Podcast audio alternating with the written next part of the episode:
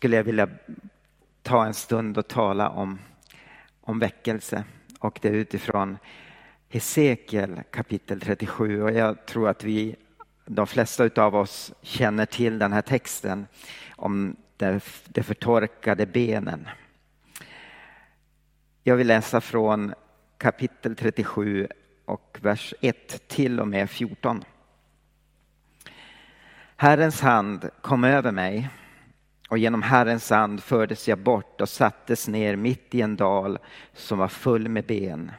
Han förde mig fram bland dem och se, de låg där i stora mängder utöver dalen och se, de var alldeles förtorkade. Han sa till mig, du människobarn, kan de här benen få liv igen? Jag svarade, Herre, Herre, du vet det. Då sa han till mig, profetera över dessa ben och säg till dem, ni förtorkade ben, hör Herrens ord. Så säger Herren, Herren till dessa ben, se jag ska låta ande komma in i er så att ni får liv. Jag ska fästa senor vid er och låta kött växa ut på er och övertäcka er med hud och ge er ande så att ni får liv. Och ni ska inse att jag är Herren.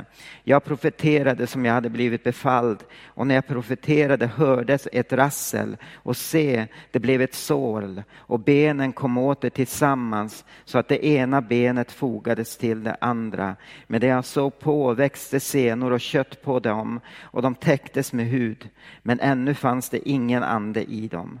Då sa han till mig, profetera till anden, jag profeterar du människobarn och säg till anden, så säger Herren, Herren, kom du ande från de fyra väderstrecken och blås på dessa slagna så att de får liv. Och jag profeterade som han hade befallt mig, då kom anden in i dem och de fick liv och reste sig upp på sina fötter, en mycket stor skara.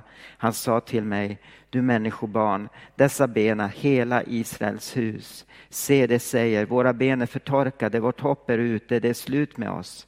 Profetera därför och säg till dem, så säger Herren, Herren, se jag ska öppna era gravar och låta er, mitt folk, komma upp ur era gravar och låta er komma till Israels land. Ni ska inse att jag är Herren när jag öppnar era gravar och för er, mitt folk, upp ur dem.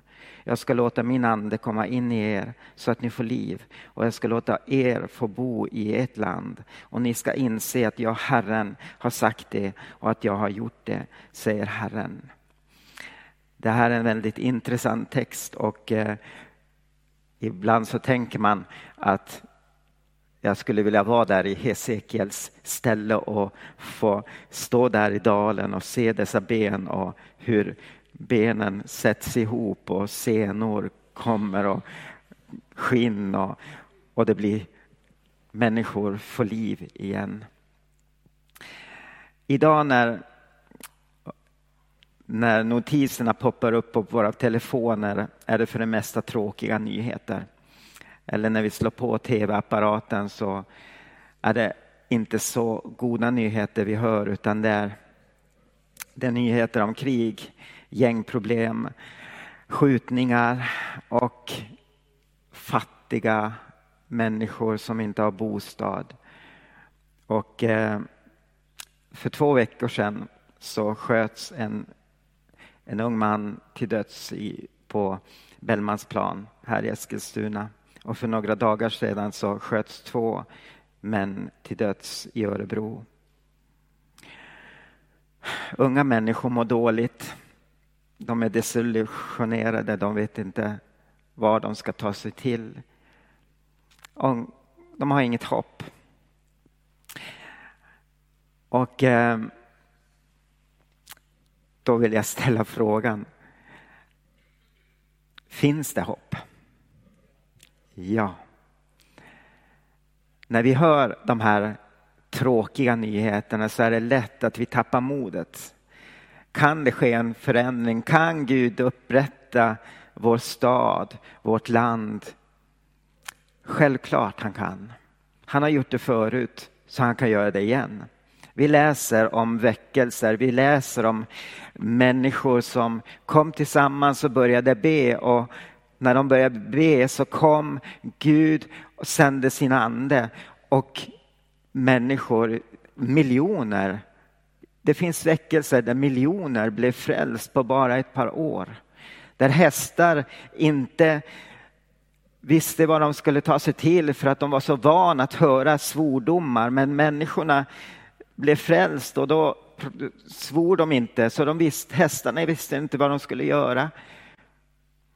Gud kan sända en väckelse. Gud kan förvandla vårt land, vår stad. Och eh, här i Hesekiel så ser vi att någonting händer. Eh, vad är väckelse? Websters ordbok definierar väckelse som att man återvänder från död till liv. Att väckelse ger liv till någonting, antingen som är dött eller någonting som håller på att dö. Eller som ser ut att vara dött. Väckelse är inte för någon som aldrig har haft liv. Det är därför bara Guds folk kan uppleva en andlig väckelse. Men konsekvenserna av att Guds folk får uppleva andlig väckelse gör att människor som aldrig har känt Jesus får uppleva Jesus.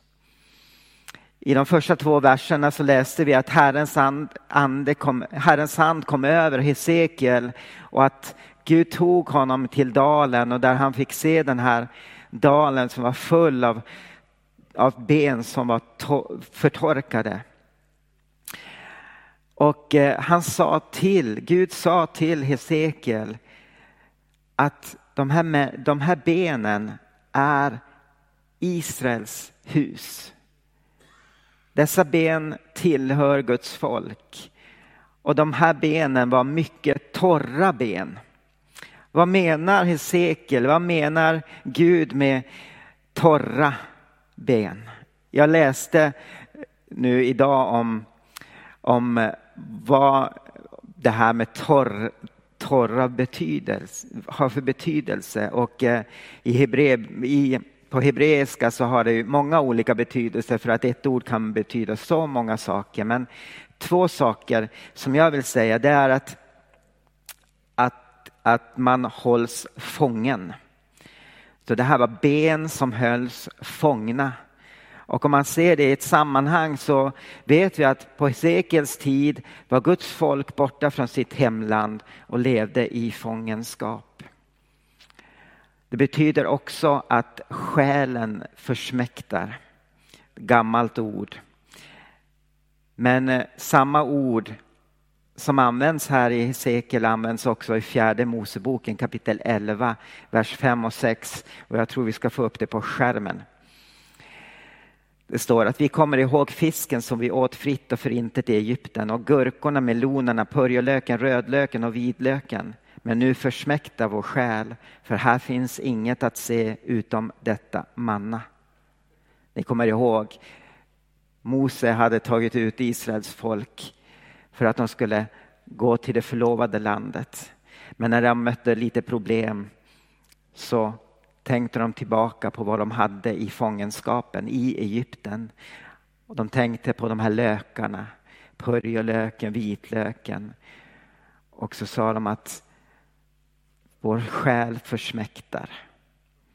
I den engelska, i en av engelska översättningar så står det att But now our soul is dried away.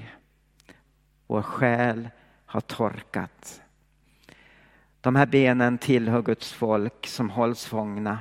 Men de här benen tillhör också Guds folk som har tappat sin aptit på Gud. Vad betyder det? I Markus kapitel 4, vers 18 och 19. Ni vet den liknelse som Jesus tar om sådden. Det står så här, hos andra faller så säden bland tistlar. Det är det som har hört ordet, men världsliga bekymmer, bedräglig rikedom och begär efter allt annat kommer in och kväver ordet så att det blir utan frukt. Guds folk håller, hålls fångna genom att oroa sig för det som de inte har. Världsliga bekymmer. Man vill ha sådant som man inte har. Guds folk hålls fångna också genom att dyrka vad de har. Man tillber det som man har. Det står att vi har att det är en bedräglig rikedom. Och när vi ser ut över världen och kanske om vi tittar in i våra e- egna hjärtan så kanske det är att vi ibland tillber för mycket. Vi dyrkar. Vi vill ha världslig rikdom. Vi vill ha ekonomisk rikedom. Men Guds folk förlorar också sin aptit på Gud genom att önska sig saker som de inte har. Det står begär efter allt annat kommer in och kväver ordet. Begär efter allt annat. Ofta är det väl så att vi har begärelse efter så mycket. Men vi borde ha aptit, vi borde begära, ha begär efter Gud. Att få lära känna honom mer, att få komma att möta honom, att vara honom nära. Men vi har så ofta begär efter annat som kväver. Och den enda lösningen mot andlig torrhet är en andlig väckelse. Och en av de vanligaste kännetecken på väckelse är att den oftast inträffar när det är som mest mörker och nationell depression. Och när vi ber om väckelse här i vårt land så är det nog så att vi måste komma så långt ner att det enda som vi gör är att söka Gud. För att när vi inte har någonting annat, det är då vi förstår att det är hos Gud. Han har allt. Han har svaret. Gud sa till, till i vers 3. Du människobarn, kan de här benen få liv igen? Kan de här benen bli återställda och få liv igen? Kan de bli återupprättade? Varför ställer Gud den här frågan till Hesekiel? Jag tror att han ville veta om Hesekiel känner till det rätta svaret. Tror du och jag att vi kan få väckelse? Tror du och jag att vi kan få se en stad förvandlat igen utav Gud? Ja. Gud kan ge väckelse. Gud kan väcka någon tillbaka till livet och det är endast han som kan göra det. Du och jag kan inte göra det. Men Gud kan göra det. Hur väljer Gud att göra när han kommer med en väckelse? För det första så ser vi att Guds hand kom över Hesekiel och han förde honom. Sen står det att Herrens ande kom över Hesekiel. Det är Gud som gör det. Det är Guds hand som kommer över människor. Det ser vi i Bibeln så många gånger. I Apostlagärningarna 11 och 21, jag tror inte att jag sa, eh, så står det att Herrens hand var med dem och ett stort antal kom till tro och omvände sig till Herren. Så att Guds hand måste komma över oss för att det ska bli liv. Herrens hand, vi ser när Jesus vandrade här på jorden så var Herrens hand över honom. Människor kom till tro på honom. Människor blev helade, mirakler skedde. I Apostlagärningarna kapitel 4, ni vet när Petrus och Johannes har varit tillfångatagna och så släpps de ut igen och kommer tillbaka till församlingen och de börjar be. Och så ber de att Gud ska verka genom dem. Och då står det att Herrens hand kommer och utför mirakel, tecken och under. Genom Herrens ande. Herrens ande kom över Hesekiel och förde honom bort. Någon har sagt så här att en väckelse är ett verk av Guds ande bland hans folk. Jesus i Lukas kapitel 4, ni vet när han är i synagogan i vers 18, så Herrens ande är över mig. För han har smort mig till att förkunna glädjens budskap för de fattiga. Han har sänt mig till att utropa frihet för de fångna och syn för de blinda, att ge de förtryckta frihet och förkunna ett nådens år från Herren. Herrens ande var över Jesus. Och i väckelse så kommer Herrens hand, Herrens ande över oss. Och ofta så väljer han att arbeta, verka genom de människor som ger sig fullt ut till honom. När vi läser väckelsehistoria så ser vi att ofta så är det en kanske en människa som inte är så känd. Han tar nog det som inte var något. Det som för världen inte var någonting. Det utvalde Gud. I Wales-väckelsen så, jag kommer inte ihåg nu, försvann hans namn. Men, va? Evan Roberts. En ung man som kom, och, kom till hans hemförsamling och sa att Gud har gett mig ett ord. Och han fick, han fick några minuter efter ett bönemöte, tror jag det var. Och han började predika. Och de, han fick predika hela natten. För ingen ville gå, ingen ville lämna. Många hundratusen människor kom till tro på Jesus. På grund av att man kom tillsammans. Bad och sökte Gud. Och varje väckelse börjar i hjärtat på Guds folk som låter sig användas av Gud. Vad händer med en troende församling under en väckelse? Ska vi läsa igen från vers 4 till och med 11 tror jag. Då sa han till mig, profetera över dessa ben och säg till dem, ni förtorkade ben, hör Herrens ord. Så säger Herren, Herren till dessa ben, se jag ska låta ande komma in i er så att ni får liv. Jag ska fästa senor vid er och låta kött växa ut på er och övertäcka er med hud och ge er ande så att ni får liv. Och ni ska inse att jag är Herren. Jag profeterade som jag hade blivit befalld och när jag profeterade hördes ett rassel och se, det blev ett sorl och benen kom åter tillsammans så att det ena benet fogades till det andra. Medan jag såg på växte senor och kött på dem och de täcktes med hud. Men ännu fanns det ingen ande i dem. Då sa han till mig, profetera till anden. Jag profetera du människobarn och säg till anden, så säger Herren, Herren, kom du ande från de fyra väderstrecken och blås på dessa slagna så att de får liv. Och jag profeterade som han hade befallt mig. Då kom anden in i dem och de fick liv och reste sig upp på sina fötter, en mycket stor skara.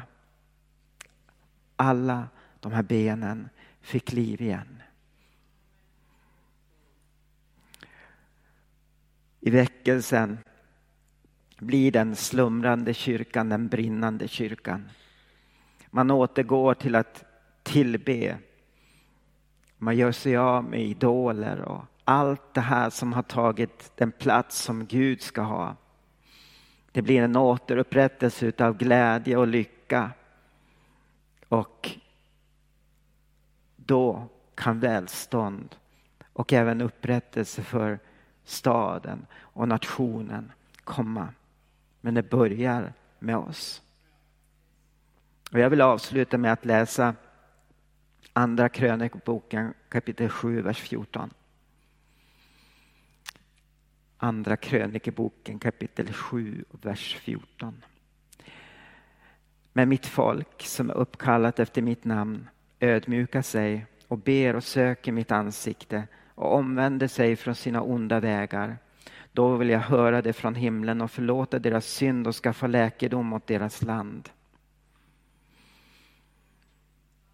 Väckelse är inte ett mirakulöst besök som faller ner på ett oförberett folk. Som att det bara skulle komma en blixt från en klar himmel.